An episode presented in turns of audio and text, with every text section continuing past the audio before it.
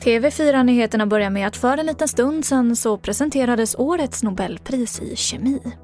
Kungliga Vetenskapsakademien har beslutat att utdela 2020 års Nobelpris i kemi gemensamt till Emmanuel Charpentier och Jennifer Doudna för utveckling av en metod för genomeditering.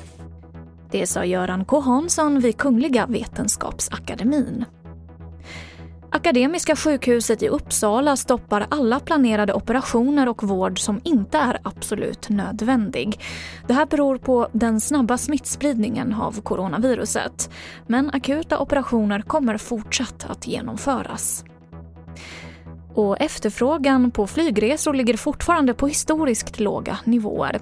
I september så minskade antalet passagerare vid Swedavias flygplatser med 83 procent jämfört med samma månad förra året. Och det var det senaste från TV4 Nyheterna. Jag heter Emily Olsson.